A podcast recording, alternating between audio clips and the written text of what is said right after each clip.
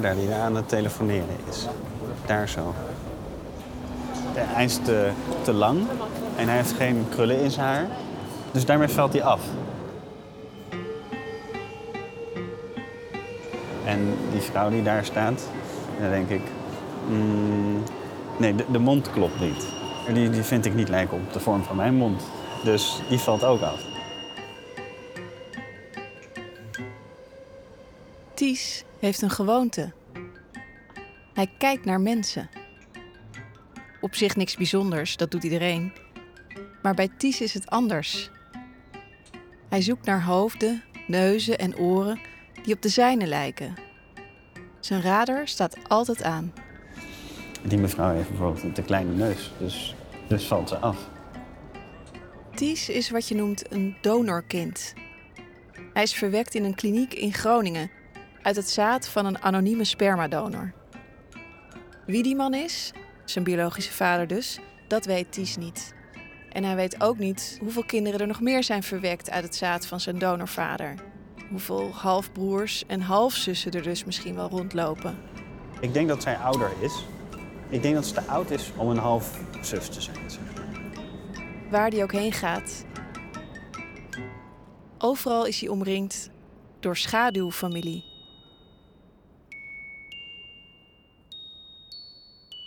Vroeger, toen Ties opgroeide, is er nooit geheimzinnig gedaan over waar die vandaan komt. Als kleuter vond ik dat heel normaal. Ja, dat dit een andere manier was of een bijzondere manier, ja, dat, daar vraag je dan op dat moment helemaal niks bij af. Als kleuter kan je ook geloven dat jij uit een bloemkool komt, dus... Als klein kind was Ties nog niet op zoek naar oren en neuzen. Ik kan me niet herinneren dat ik me als, als 11 of 12-jarige wel eens afvroeg in de trein van... Goh, is iemand verwant aan mij? Maar ik weet wel dat ik dat als 15-jarige wel begon af te vragen. En als ik dan inderdaad in de trein zat of in een vreemde stad kwam... of, eh, of, of meer naar het noorden was, omdat ik natuurlijk verwekt ben in Groningen... dat ik me dan wel wat vaker afvroeg van... is die persoon op, op straat een, een, een halfbroer of een halfzus of eh, mijn donor? Hoe ouder die wordt, hoe meer het hem dwars gaat zitten. Dat grote vraagteken van zijn afkomst. Op wie ga ik lijken als man? Wat voor volwassene ben ik nou eigenlijk? En op, wie- op wie lijk ik dan? Ja, welke trekken ga ik meegeven aan mijn kinderen? Dat wat je niet weet, dat wordt steeds groter. En dat vind ik wel ingewikkeld. De- dus de vraag groeit, zeg maar. Ties begint te fantaseren over een ontmoeting. Zijn geen fantasieën over spoorloosachtige taferelen waarbij vader en zoon elkaar snikkend in de armen vallen. Wat Ties wil is eigenlijk iets heel simpels. Ik zou eerst gewoon eens heel lang naar die man willen kijken. Hoe ziet hij eruit? Hoe lopen de lijnen in zijn gezicht? Hoe, hoe beweegt iemand? Ja, kijken wat dat, wat dat aan informatie geeft over mij.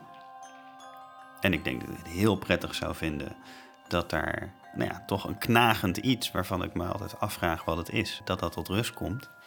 Omdat je iets je niet meer hoeft af te vragen.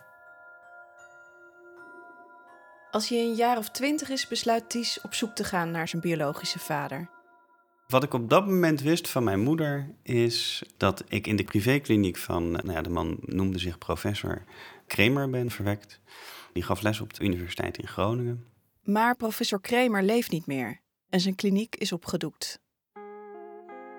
En ja, je merkt misschien al dat Ties nogal een afkeer heeft in zijn stem als hij het over de professor heeft. Nou, dat heeft hiermee te maken. Hij heeft in 1999, vlak voordat hij overleden is, in een stuk, ik meen in de Volkskrant, heeft hij gezegd van nou ja, ik heb al mijn gegevens vernietigd. Zeer waarschijnlijk heeft hij wel die namen allemaal gewoon netjes eh, op archief gehad.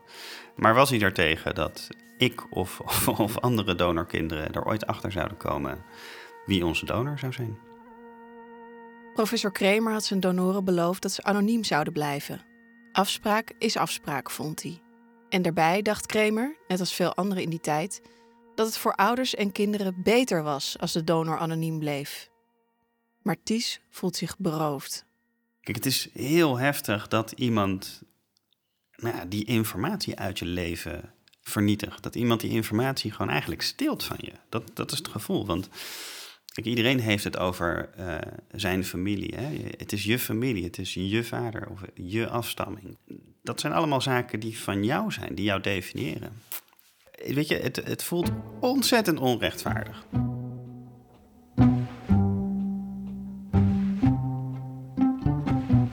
Boos en teleurgesteld besluit Ties zich aan te sluiten bij Stichting Donorkind, een belangengroep. Hij verzet zich tegen anoniem donorzaad uit het buitenland, schrijft stukken in de krant en treedt op in discussieprogramma's. ik wil even Ties van der Meer hier ook horen, want jij bent zelf ook kind van een donor. Voorzitter van de Stichting Donorkinderen ook. nog, ja. Um, ook nog? Ja. En je wil ook nog iets zeggen? En ik wil ook nog wat zeggen.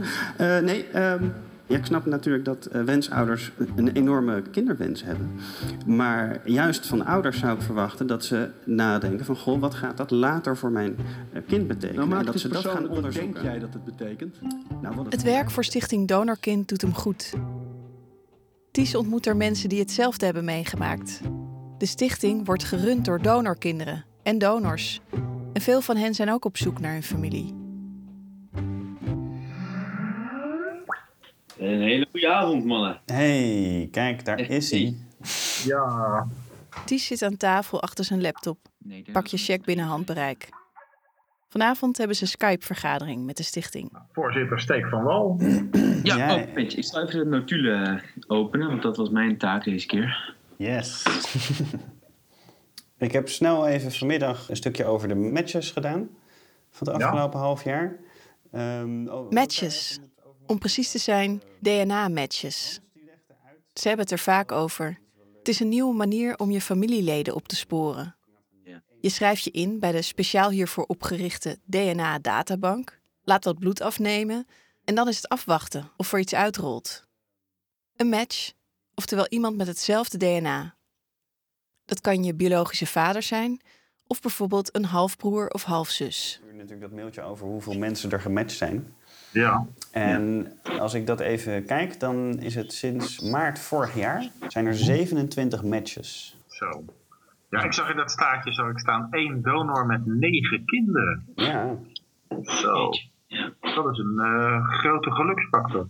Ja. ja. Die staat ook ingeschreven bij de databank. Maar jammer genoeg zat hij niet tussen de 27 gelukkigen die het afgelopen jaar een familielid hebben teruggevonden. Hij zal ermee moeten zien te dealen dat hij misschien nooit zal weten wie zijn biologische vader is. En dat blijft lastig. Ik weet niks over mijn donor. Bij niks kan ik denken van, oh ja, dat heeft hij ook gedaan of zo. En dus dacht ik op een gegeven moment van, ja, op wat voor andere manier kan ik iets van hem weten of mee ervaren? En toen dacht ik, nou, hij heeft ook gedoneerd. En het is die simpele gedachte die Ties een paar jaar geleden op een idee bracht. Als ik ook doneer, dan eh, kan ik misschien een soort van navoelen wat zijn beweegredenen waren, of hoe je daarmee omgaat, of uh, zoiets. Ties meldde zich aan bij de fertiliteitskliniek van het AMC. Hij werd zelf spermadonor. Vanaf dat moment reed hij er elke paar weken langs. Ik weet nog vlak voordat ik 30 werd, toen kwam ik doneren bij de kliniek en toen zeiden ze van... we kunnen je feliciteren, want er is een kindje geboren. Ja, dat vond ik wel, vond ik wel echt heel, heel, heel heftig, heel bijzonder.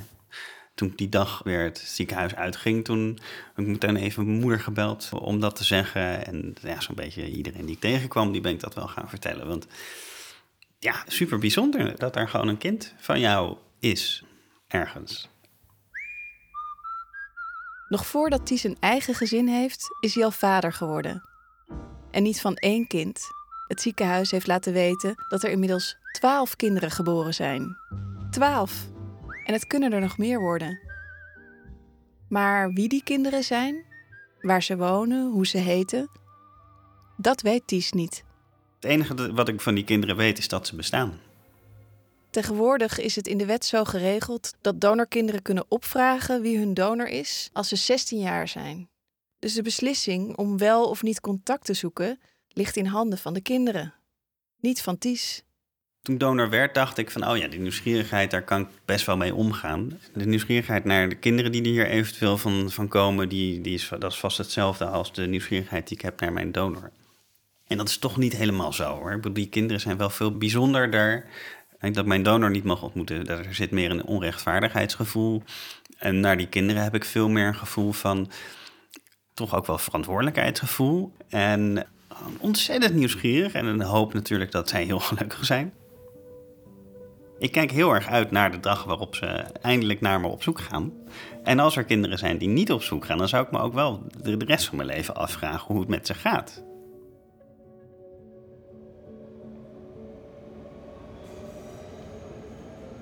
Als Ties nu op de trein staat te wachten, kijkt hij niet meer alleen naar de mannen en vrouwen op het perron, maar ook naar de kleuters, de peuters en de baby's.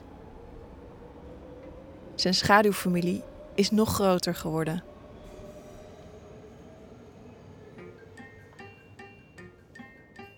Ties weet dat zijn oudste kind nu zes moet zijn.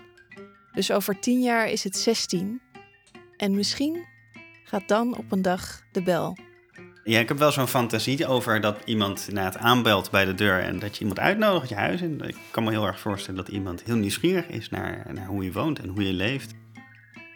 En ja, persoonlijk zou ik als eerste heel graag willen weten, wat vind je ervan? Wat vind je ervan dat ik dat heb gedaan?